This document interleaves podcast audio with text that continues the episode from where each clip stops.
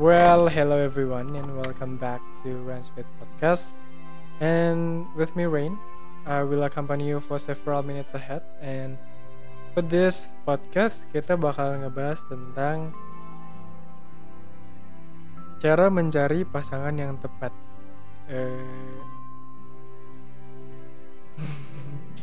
Jadi ini itu uh, dibahas karena banyak yang nanya dan karena lagi banyak yang curhat tentang masalah pasangannya ke aku ya udahlah ya kita bahas aja cara cari-cari pasangan yang tepat gimana. Dan ini juga aku nggak ngeklaim caranya ini udah bener tapi mostly dari dari curhatan-curhatan teman-teman dari uh, aku juga tanya ke orang-orang yang hubungannya langgeng ya semoga bisa ditiru aja sih. Dan buat teman-teman yang membutuhkan coba dipikirkan apakah caranya uh, bisa dipakai? Apakah caranya baik untuk dilakukan? So let's start. Uh, yang pertama itu adalah di saat kalian mencari pasangan yang tepat kunci utamanya you will live with her or with him for the rest of your life. Jadi kalian tuh benar-benar memikirkan semuanya baik dari sisi baik dan sisi buruknya. Karena ujung-ujungnya kan kalian bakal hidup sama dia sampai sampai kalian nanti tua, sampai kalian nanti meninggal dan dan ya udah gitu. Kembali kepada sang pencipta. Uh, apakah kalian tahan dengan orang seperti itu dengan kelakuannya seperti itu dengan perangainya seperti itu yang pertama di sini aku tulis adalah kita harus bisa mencintai diri sendiri terlebih dahulu jadi sebelum kita mencintai orang lain kita harus mencintai dirinya kita terlebih dahulu mungkin kalau mau dengar tentang berdamai dengan diri sendiri itu ada podcastnya uh, boleh dicari di Grand Sweet Podcast ada. Nah, di sini back again to the topic ya tentang mencintai diri sendiri terlebih dahulu. Kenapa kalau misalnya kamu nggak cinta sama diri kamu, kamu juga nggak tahu gimana cara mencintai orang lain. Hal simpelnya itu adalah uh, kamu bangun tidur, kamu langsung mandi, kamu beberes, kamu uh, kamu bisa memberikan sesuatu yang terbaik untuk dirimu gitu dalam kehidupan sehari-hari. Jadi kayak misalnya kamu udah tahu Senin sampai Jumat kamu kerja otomatis kamu harus memberikan yang terbaik. Itu nggak cuma untuk company tapi untuk dirimu sendiri.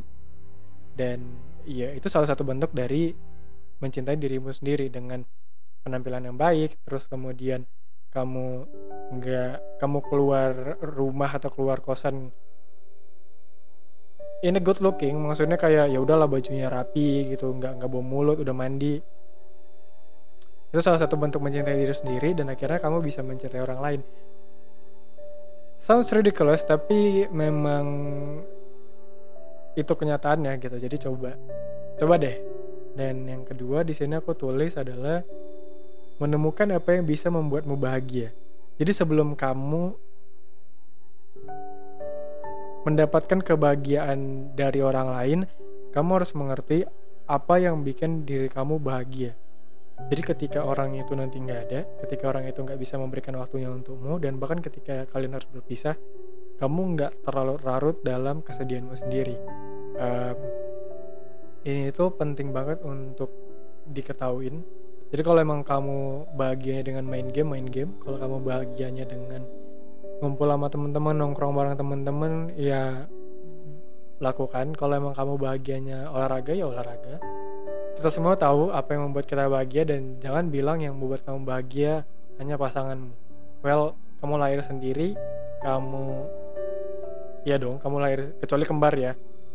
Ya tetap aja kalau kembar juga nggak mungkin keluar bersamaan kan tetap ada jedanya. Jadi kita semua punya hmm, waktunya sendiri kita kita hidup dengan tanggung jawab kita sendiri dan hak sendiri uh, ya udah gitu ngelakuin aja do whatever you like and do whatever can make you happy itu the second important things yang harus kalian tahu sebelum kalian mencari pasangan yang tepat.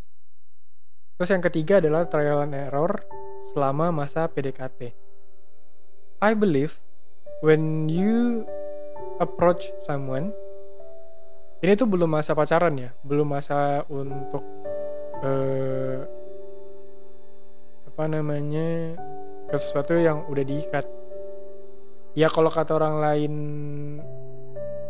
jaring ikan men, atau gimana, uh, ya bukan berarti gitu juga sih. Maksudnya ya udah dekat aja sama semua orang.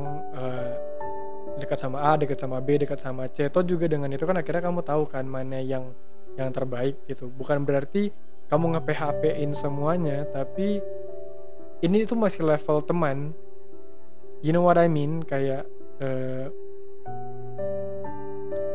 gimana ya nanti salah dibilang lagi dibilang nge-PHP-in salah, ngejaring salah. Bukan kalau salah oke okay, gini deh kalau salah itu tuh setelah kalian bener-bener dekat sama satu orang dan kamu tahu dia she is the one atau he is the one terus kamu masih sama yang lain ya iya itu salah itu nge PHP ini itu yang namanya ngejaring ikan banyak-banyak terus akhirnya kamu juga nggak uh, kayak pengen enaknya gitu loh maksudnya kayak ya aku dapat kasih sayang dari si A aku dapat kasih sayang dari si B juga ya ya itu salah di kamunya. Tapi kalau selama masa PDKT untuk step awal nggak masalah deketin aja semua orang. Dan akhirnya kan kamu tahu sendiri eh, apa namanya yang terbaik buat kamu apa. Terus di sini ada you know what you want. Dari sisi cara berpikir point of view fisik dan lain-lain. Ini udah mulai jadi kan tadi tentang uh, lebih kepada diri kita sendiri. Nah ini tuh lebih kepada kepasangan yang nantinya kamu uh, pacarin ataupun nikahin. Jauh banget sih ngomongnya ke tapi uh, ya, ya, ya gitulah. Uh, gini gini. Uh, kamu tau lah uh, tipikal orang yang kamu suka itu seperti apa. Kamu tau lah ciri-ciri orang yang kamu suka itu seperti apa. Mungkin uh, kamu suka yang ceria kalau dari sisi kepribadian ya atau kamu sukanya yang lebih sendu lebih santai. Atau kamu sukanya yang sukanya mencelak-mencelak gitu. Ya depends ya kan semua orang punya seleranya masing-masing. Terus juga untuk sisi fisik uh, wajar sih kalau untuk nge, nge memikirkan tentang fisik. Karena ya kamu sendiri udah udah mencintai dirimu sendiri kan. Maksudnya kamu tahu gimana cara uh, menjadi seseorang dengan penampilan yang baik masa sih kamu sama orang yang urakan yang nggak peduli sama dirinya sendiri? Ya wasting time kan. Kayak dia aja nggak mencintai dirinya sendiri gimana dia nanti bisa mencintai orang lain? Yang uh, nggak harus nggak harus dia cantik banget nggak harus dia ganteng banget enggak karena itu juga relatif lagi balik lagi. Nggak semua orang bilang diri kamu tuh cantik nggak semua orang bilang diri kamu tuh ganteng. Uh, ya you know what you want lah. Pasti ngerti kan? Dan you choose dan kalau emang kamu pengen yang kayak gitu ya doain gitu. Kalau emang kamu percaya ya pasti dapat lah dan yang kelima di sini adalah kita harus bisa mempertimbangkan baik buruknya Well, sometimes the brain will stop when you falling in love with someone. Kita tuh jadi bucin, kita jadi nggak ngerti mau ngapain semuanya tentang dia, semuanya tentang sebesar kita. Itu biasa terjadi di awal-awal kamu mencintai seseorang, tapi lama-lama nanti kalau udah pacaran pasti juga bosan. Uh, ya ya udah udah ngerti kan dia kayak gimana dan akhirnya jadi lebih kepada kayak hubungan uh, kayak kamu sama sahabatmu kayak kamu sama kakak adik ya berantem berantem ya ya main ya main ya ya ketawa ya ketawa gitu. Terus uh, tetap harus dipertimbangkan ya kayak baik buruknya seperti apa itu tuh hal yang penting. Karena kayak tadi aku bilang keywordsnya itu adalah kamu bakalan hidup sama dia for the rest of your life. Uh, terus lanjut lagi di sini, be open to any opportunity. ini tapi kuncinya di saat kamu belum uh, membuat sebuah perjanjian dan bahkan membuat sebuah entah itu pacaran, entah itu tunangan dan nikah gitu. Ya open aja sama semua opportunity. Kalau emang kamu lagi cari pasangan, kalau memang kamu mau cari sendiri, it's okay. Kalau memang tiba-tiba temenmu ngenalin orang lain, oke. Okay. Kalau memang orang tuamu ngenalin anak temennya mereka, ya oke okay, gitu. Ya nggak usah harus dibantah dulu kayak enggak enggak aku nggak mau dijodohin ya. Di open aja sih sama semuanya karena kita nggak tahu kan siapa yang sebenarnya nanti jadi jodohnya kita, jadi siapa yang jadi pasangan kita. Terus di sini aku juga ada tulis kalaupun gak work, give a little time. Ini bahasa Indonesia-nya berikan waktu sendiri un berikan ruang sendiri. Kayak lagu tulus aja nih ruang sendiri. Oke. Jadi kalian udah coba nih, akhirnya sampailah udah coba masa PDKT maksudnya terus akhirnya kalian udah mulai ke masa pacaran. Tapi ternyata nggak work saya kira putus ya udah mau bilang apa kalau emang diusahain juga nggak mau balik jangan coba untuk pacaran terlebih dahulu karena menurutku kamu juga lagi dalam kondisi uh, mentally psychologically nggak stabil. Jadi buat apa menjalani sebuah hubungan yang paling tadi ujung-ujungnya juga sebagai pelampiasan dan ya nggak baik kan ke depannya gitu sayang aja. E, dan si orang yang kamu deketin ini pun kasihan gitu. Ketika kamu nanti tiba-tiba si mantan mengajak balikan terus kamu ninggalin dia gitu kan. Ini tuh kayak lingkaran setan gitu loh nggak selesai-selesai nanti dia nggak kira jadi gituin orang lagi. Uh, ya mendingan jangan deh. Jadi tetap kalau misalnya memang kamu udah coba tapi nggak berhasil ya balik lagi berikan waktu untuk sendiri.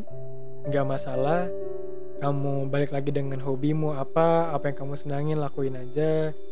Uh, ya cari kalau emang mau pelampiasan jangan pelampiasan ke orang tapi lampiaskanlah kepada hal-hal yang lain. Entah itu hobi entah itu Muay Thai tuh tumbuk-tumbukin lah tuh uh, tonjokin semuanya tuh sarung uh, saat tinjunya.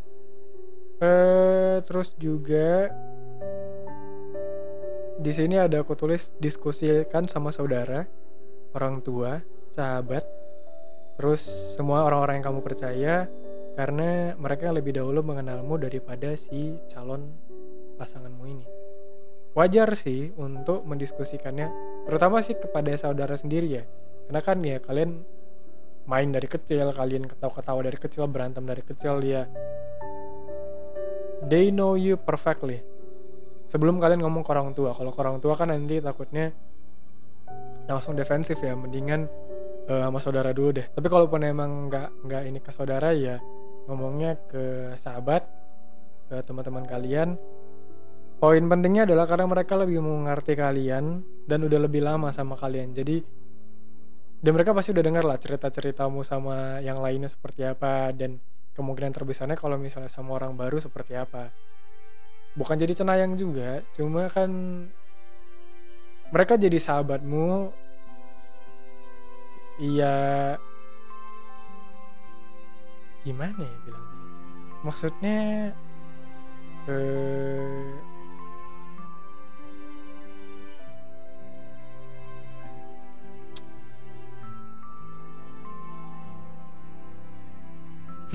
ya gitu deh pokoknya intinya adalah mereka mengenal kalian jauh sebelum kalian mengenal si orang baru ini. Ya kalaupun kalian lagi bucin tetap sadar kalau ini tuh lagi fase bucin. Terkadang aku nggak mau dengerin kata temanku tapi aku harus dengerin kata mereka gitu. Banyak banget yang nyesal karena mereka nggak mau dengar apa kata saudaranya mereka nggak dengar apa kata orang tuanya mereka nggak mau dengar apa kata sahabatnya banyak banget yang nyesel. Dan gak mau kan tentunya yang kayak gitu. Jadi better dengerin dulu apa kata mereka. Dan selagi karena masih di awal kalaupun memang semuanya bilang nggak baik ya at least misalnya masih baru dua bulan nih terus semuanya dibilang kayak kok kamu jadi makin berubah sih semenjak kenal sama si iya? Kok kamu jadi malah makin uh, apa namanya kayak ah, kayak gini kayak gitu? Dan yang ngomong itu udah banyak banget otomatis kan emang udah nggak baik ya. Kecuali kecuali memang uh, inner circlemu itu memang toxic ya itu beda lagi.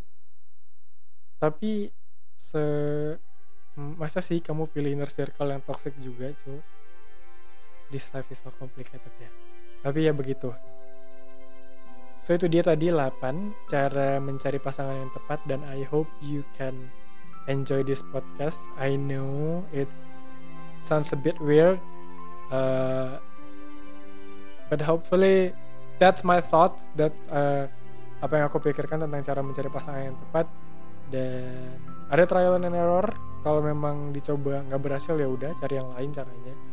Banyak banget. Kalau mau cari caranya juga bisa di lupainmantan.com uh, ya ya udahlah ya. So see you in the next podcast dan bye bye